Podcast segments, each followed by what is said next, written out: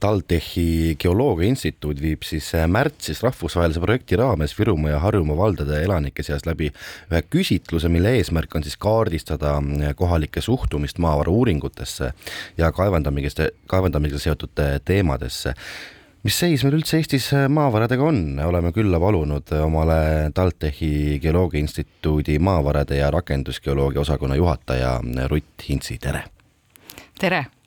No me kõik tahame ju äh, uusi, ma ei tea, maanteid, uusi elektroonikavidinaid, aga samas me tahame ka kõik ju loomulikult äh, seda, et nende valmistamiseks ei ammutataks neid maavarasid siit äh, mitte meie juurest, vaid seda võiks teha hoopis kuskil mujal geoloogid aga uurivad ja puurivad sõna otseses mõttes ju sellest hoolimata. milliseid maavarauuringuid Eestis hetkel üldse tehakse? Äh, Eestis ja tegelikult äh, naabermaades samamoodi, ehk siis ega me ei ole Eestis üksi, vaid Euroopa Liidu riigid äh, meie kõrval teevad seda samamoodi,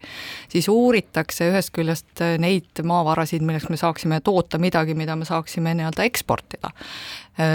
Siin me räägime näiteks meie tuleviku maavarade uuringutest, ehk siis fosforiidist näiteks ja sellega kaasnevatest äh, äh, ressurssidest, aga samamoodi me uurime tegelikult ka neid asju, mis on meie enda eluks olulised, ehk siis täpselt sama need ehitusmaavarad, millega näiteks Harju maakonnas on tegelikult suured probleemid, äh, uurime liiva, kruusa, ka selliseid asju uuritakse ja, ja samamoodi ka turbavarusid uuritakse, et et äh, kõik see, mis tegelikult äh, meie materiaalset maailma ja majandust üleval hoiab, äh, tuleb suuresti maa seest. Miks peab ennem uurima, kui on teada, et seda on, võiks ju kohe minna ja hakatagi puurima ja kaevama. Et tegelikult on see, et maavara kui selline tekibki läbi uuringute, et maaaines, mis on uurimata, ei ole tegelikult mingi vara, ehk siis uuring luuakse sinna, tähendab tegelik vara luuakse läbi uuringute, luuakse läbi selle teadmise, kuidas seda maavara väärindatakse, kas tema maa seest väljavõtmine on kasumlik, ehk siis et maavara on ainult selline maaaines, mille kaevandamine on kasumlik. ehk siis see tarkus, mis maavarale juurde pannakse, teebki temast vara. kas Eestis uuritakse ainult äh, seda, mida on maismaal või ka seda, mida on merest, merepõhjast võtta? Äh, väga õige märkus on see, et meil on ka merealad ja tänased äh, uued maavarauuringud vaatavad ka tegelikult seda, mis siis on mere all, ehk siis et äh, näiteks me teame, et seal on rauamangaani konkretsioonid, üks selline Läänemere võimalikest ressurssidest, aga loomulikult me peame tundma ka oma merepõhja. no milline on eh, võib-olla Eesti selle, kas, kas seda üldse annab hinnata kuidagi, aga küsin ikka, kõige hinnalisem eh, maavara? Kõige hinnalisem maavara täna, kui me vaatame, kui palju väärtust välja võetakse, on tegelikult põlevkivi, sellepärast et sealt me, see, see, sealt laekub meie riigi tuludesse päris oluline osa, nii et, et et maavara tegelikult saabki määratleda selle kaudu, need, mida me täna ei kasuta, me ei saa ju prognoosida täpselt, et palju väärtust me nende nii-öelda kasutamisel loome.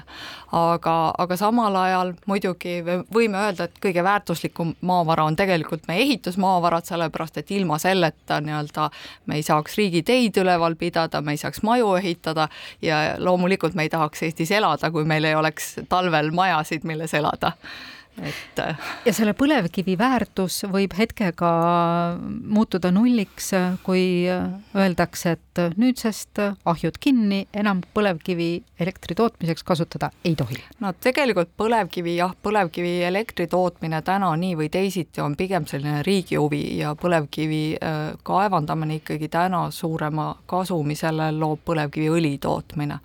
ja, ja kahtlemata põlevkiviõli on nüüd üks selline äh, toode, mis siis tegelikult sellise maailma roheenergeetika poole pöördumisel siis peaks oma turu tegelikult, turgu kaotama järjest. täna ta on konkurentsivõimeline veel meil käis äh, jutu seest läbi juba ka see sõna fosforiit. hangud juba tõusid. mis teatud vanuses inimeste jaoks kangastub kohe see pandakaru pildiga T-särk ja, ja mõtlemine, et selle kaevandamisel midagi väga halba. kas tegelikult selle kaevandamises oleks midagi väga, väga halba või, või on küsimus lihtsalt selles, et kuidas seda teha ja kes seda teeb? jah, eks tegelikult ongi, iga kaevandamine on mõjuga et sellel on oma nii-öelda keskkonnamõju, sellel on oma sotsiaalne mõju ja tegelikult see tulupool peab siis üle kaaluma selle. ja kaevandamine on tegelikult selline käsitöö, eks ta on väga suure lokaalse mõjuga, ta mõjutab seda kohalikku elanikku väga palju,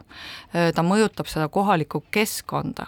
Ja tegelikult äh, nii-öelda see kompromissi otsimine toimub hästi lokaalselt ja kohapõhiselt, ehk siis see nii-öelda lahendused tulebki leida igale konkreetsele situatsioonile. Ja kui me vaatame, kuidas siis, miks me nii-öelda seda toona siis Nõukogude Liidus toimunud fosforiidi kaevandamist täna nii negatiivselt vaatame, siis seal on palju aspekte, et seal on keskkonna aspekt, ehk siis keskkonnamõjusid ei üritatud kuidagi leevendada.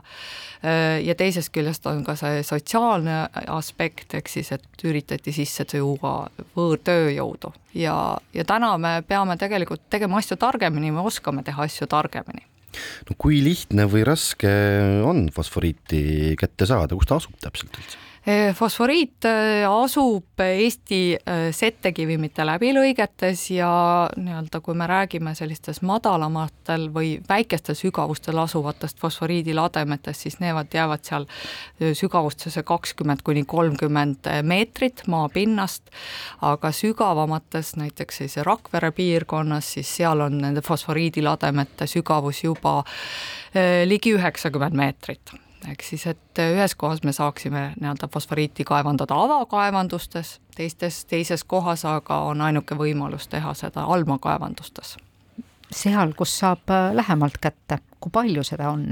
kui palju on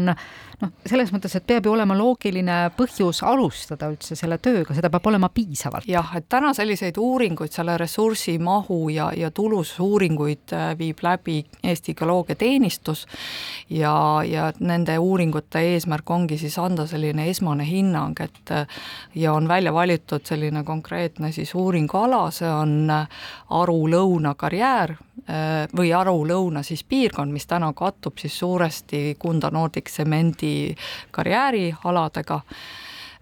Ja, ja sellele alale siis tehakse täna selliseid eelmajanduslikke kalkulatsioone, mis, mis peaksid meile ütlema, et kas, kas see nii-öelda tulu saamine on üldse kuidagi võimalik sellelt, selle ressursi kaevandamisel.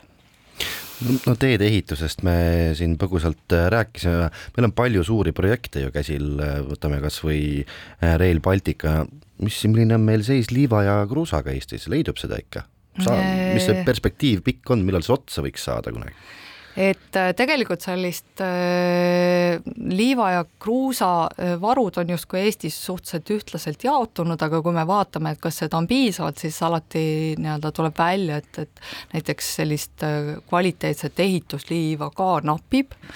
ja, ja seega noh, meil on tegelikult liivamaardlad ka mere all ja, ja ka merealuste liivamaardlate kasutuselevõttu on, on arutatud, aga seal on ka omad probleemid üks huvitav maavara on veel, äh, nagu te siin enne vist ka mainisite, klaasiliiv, mismoodi see sellest ehitusliivast kuidagi erineb? Äh, klaasiliiv on selline hästi puhas kvartsliiv, äh, mis ei sisalda teisi lisandeid, näiteks rauda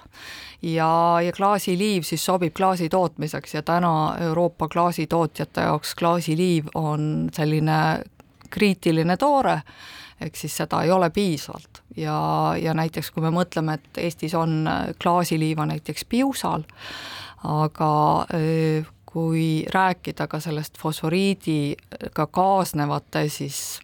ressursside kasutuselevõtust, siis tegelikult see fosforiidist ülejääv äh, liiv, liiv, ehk siis tegelikult meie fosforiit on liivakivi, mis sisaldab fosforit, siis see liiv on ka väga puhas kvartsliiv, et ka üks selline võimalik suund siis kunagi, kunagi, kui see peaks realiseeruma, selle nii-öelda ressursi kaevandamine kunagi. on veel üks tore kraam, turvas armas ja pruun ja nunnu, aga kui teda Eestis kaevandatakse, siis viiakse teda välja Eestist ja ja siin on olnud ka väga kriitilisi sõnumeid sellel teemal, et kas me liiga odavalt ennast ära ei anna jah, turvas on kahtlemata selline keeruline maavara, sellepärast et, et äh, turba kaevandamisega siis kaasnevad emissioonid on see, mida siis nüüd püütakse hakata ka piirama ja, ja seetõttu ka, kuna tõesti turvas liigub Eestist välja, siis, siis me justkui tundub, et äh, me saaksime seda lihtsasti nii-öelda piirata. teisest küljest, kui me vaatame, kui oluline koht on tegelikult turbal äh, Euroopa toidujulgeolekus, siis, siis tuleb teist korda mõelda ehk siis, et,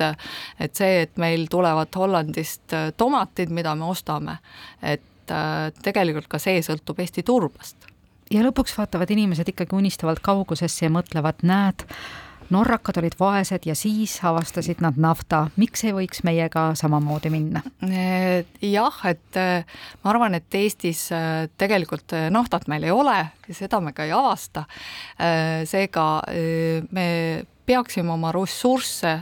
muidugi paremini majandama ja paremini väärindama kui seni. samal ajal äh, ei ole nii-öelda ootust, et Eesti majandus nüüd muutuks selliseks äh, väga kohaliku toorme keskseks, ehk siis et meie majandus on oluline, et ta on mitmekülgne ja üks osa sellest peaksid olema loomulikult ka see kohalike toormete väärindamine